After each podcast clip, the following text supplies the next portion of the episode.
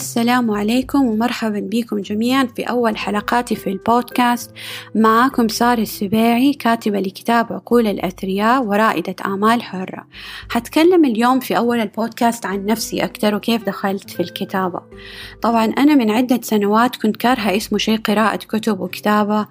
بسبب كان عندي صعوبة تعلم أتذكر في أولى ثانوي معلمة القرآن وقفتني قدام الفصل قالت لي سارة أنتي؟ إيوه أنتي قومي. أنت اللي عندك صعوبة تعلم حسيت يعني وقتها كنت جدا ضعيفة وحسيت بالخجل وماني عارفة كيف أرد. فردت واحدة قالت لها يا أبلة ما ينفع تقولي لها الكلام ده كله. فقعدت آه، فترة إنه كنت كارهة الدراسة. ما كنت بدخل على طول جامعة. بس لما قررت إني أدخل جامعة وأدرس في جامعة فندقة وسياحة وتخرجت بتخصص الكولينري Arts and Kitchen Management اللي هو إدارة المطابخ والطبخ. آه بعد ما تخرجت واشتغلت فترة في التوظيف وبعدين اشتغلت في عدة مشاريع حسيت آه إني ماني قاعدة أنمو يعني مشروعي زي ما هو. قعدت ستة سبع سنين يعني زي ما أنا مو راضي ينمو فقلت لازم أعمل حاجة لازم يعني أتغير وخلاص يعني ما هينفع طول حياتي أقعد في مشروع مو راضي يعني يكبرني. والكثير يعني عارضني إنه كيف تسيب المشروع اللي أنت بنيتيه وهذا الشيء اللي أنت يعني دخلتيه من يوم ما أنت أصلا كنت حابة يعني كنت حابة المجال ده. ف يعني يعني هو مش إنه يعني حسيت وقتها إنه كان غلط إنه الواحد يفكر إنه خلاص أنت شغوف أو حابب المجال ده يعني يلا خلاص ادخل في ده المشروع أو تخصص في ده يعني ال business وكذا فغلط. يعني أنا ما كنت وقتها عارفة. فنحن كنا دائما نفكر بالشغف ما كنا نفكر هل هذا المجال حيقدم لي الدعم المالي أو المعنوي أو لا. فدائما نحن نفكر بالشغف وما نفكر بنفسنا. يعني هل حكون مرتاحة؟ هل حكون مبسوطة؟ نفسيتي حتكون كويسة ولا لا؟ فلما حبيت إني خلاص أخرج من ذا المجال وأنا كنت من جد تعبانة يعني تعبانة نفسيا. كنت أزور يعني الدكاترة بكثرة من كتر مني جسمي خلاص ما صار يتحمل ضغوطات العمل.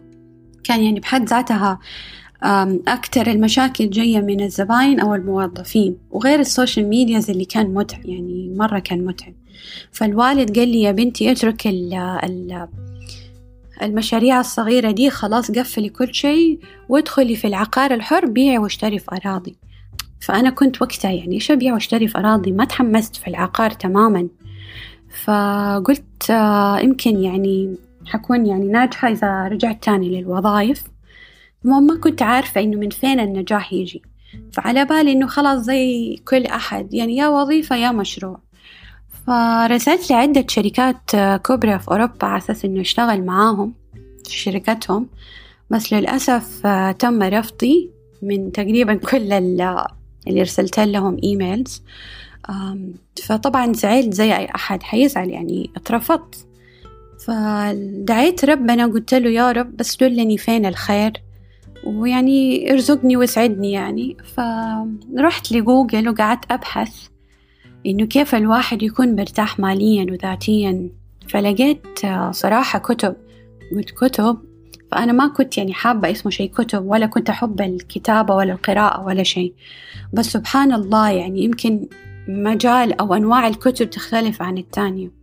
فلما بديت أقرأ كتب صراحة انبهرت. يعني كتاب مرة رائع للكاتب والكاتبة ألين وباربرا بيس كان اسمه الجواب. الكتاب خلصته تقريبا في يومين ونص لثلاثة. خلصته وكان الكتاب عن عن الأهداف وتطوير الأهداف. لازم واحد يكون عنده أهداف مختلفة ويبدأ يكتب كل أهدافه. هم كانوا حاطين تقريبا 200 هدف مختلف وقاعدين يجربوا كل الأهداف لين ما يوصلوا للشيء اللي هم ناسبهم. فقالوا لما الواحد يكون عنده هدف واحد بس آه، لو ما نجح الهدف ده فسبحان الله حيضطر إنه يعمل أشياء ما يعجبه.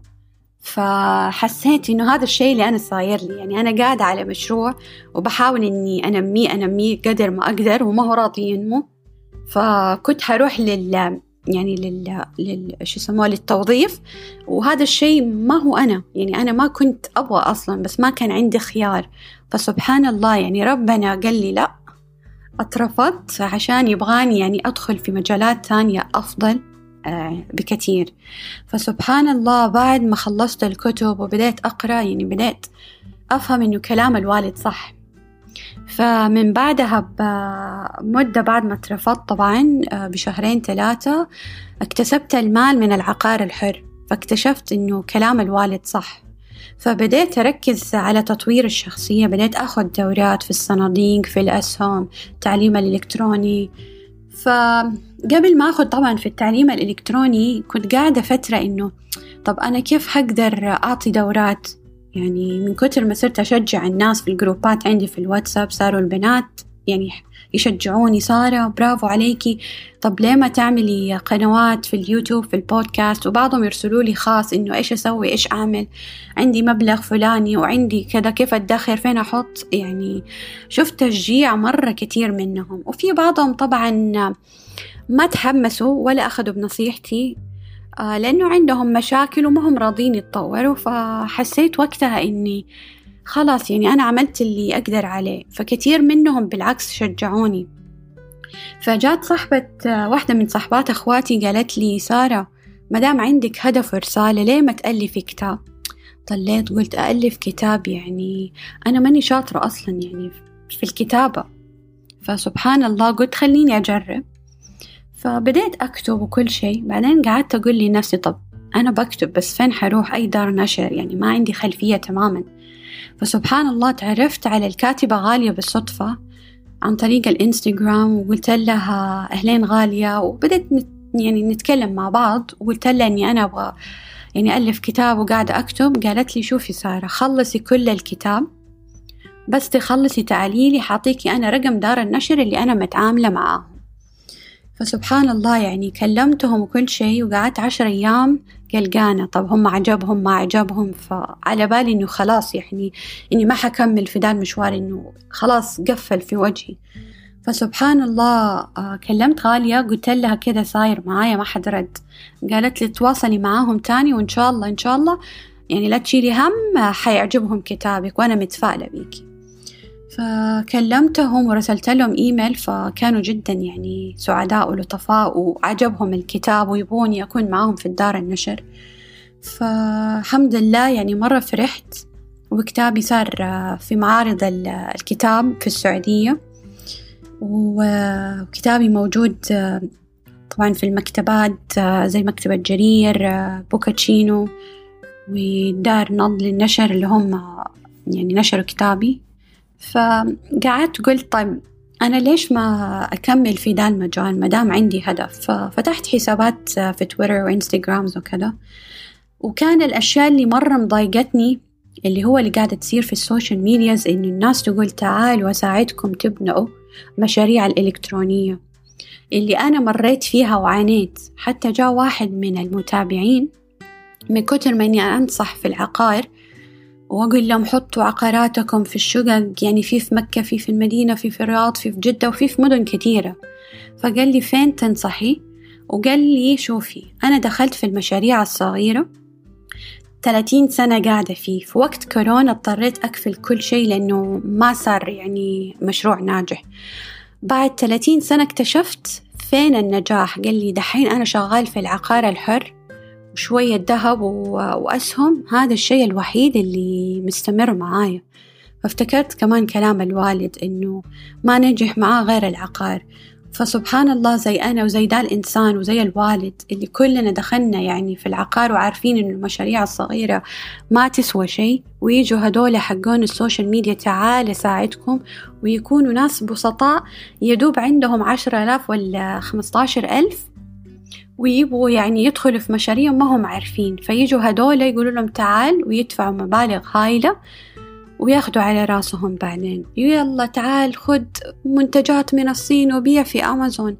طب أنت ما قلت السلبيات أنت يمكن ما دخلت في ذا المشروع بس أنت عارف كيف يعني تتكلم وتوجه الناس عشان كلامك يعني فيها يعني شو يسموها تشجيع ولكن هو في النهاية غلط. يعني كيف يشتري منتجات من الصين وهو حيضطر يدفع مبالغ هايلة من الشحنات؟ يعني تقريبا بين 15 لعشرين ألف. وغير الجمارك يعني الجمارك كان زمان فأنا ما أعرف إذا تغيرت أو لا الآن كانوا ياخدوا في اليوم الواحد في الأرضيات تقريبا مية وخمسين ريال. وغير إنه قبل ما توصل المنتجات لازم يكون عندك شهادة الجودة والمقاييس من سابر تدفع أربعمية ريال. وغير إنك تدور لك مخلص جمركي شاطر عشان يشيل لك المنتجات من الميناء أو من المطار. وغير إنه الصين حيقول لك لا والله لازم تاخد على الأقل ألف, ألف قطعة باللون الشكل واللون المحدد. وإذا أخذت ألف حيكون طبعا أقل من دولار بس إذا ما حتقدر تاخد ألف حيقول لك طيب خلاص أسمح لك أربعمية ولا خمسمية قطعة فحيكون بين دولارين لثلاثة. ممكن أنت تبيع المنتج عندك بعشرة ريال في المتجر بس أما لما تبيعه في أمازون حتضطر تبيعه بعشرين ريال لأنه أمازون ياخد نسبة. فحسيت إني لازم صراحة يعني أوجه الناس وأقول الكلام بمصداقية إنه نحن لازم نساعد بعض. يعني أمتنا إن شاء الله فيها خير آه، بمساعدتي و آه، بمساعدتي إن شاء الله يعني حقدر يعني أوجه الناس كل ما أملكه طبعا. وإن شاء الله يعني في الحلقات الجاية أقدر أتكلم في مواضيع جدا مهمة وتناسب الجميع.